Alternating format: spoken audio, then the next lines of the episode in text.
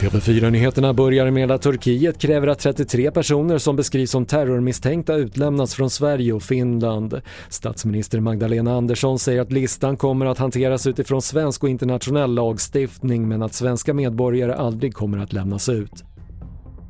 Ett nytt räntebesked från Riksbanken kommer imorgon och det ser ut att bli en högre höjning än man tidigare räknat med berättar Nordnets sparekonom Frida Bratt. Det normala om man får säga så brukar ju vara 25 punkter, alltså 0,25 procentenheter. Men nu tror ju de allra flesta på att det blir en dubblad höjning, alltså 50 punkter. Och det gör man ju för att nu behöver man verkligen få bukt med den stigande inflationen. Vi har en inflation över 7 procent fick vi veta eh, i förra veckan och eh, det här måste Riksbanken försöker få bukt med. Så att ja, 50 punkter är vad som förväntas imorgon.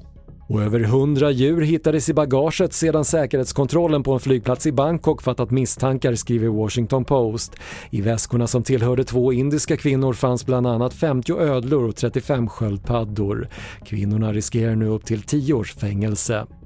Fler nyheter hittar du på tv4.se. Jag heter Patrik Lindström.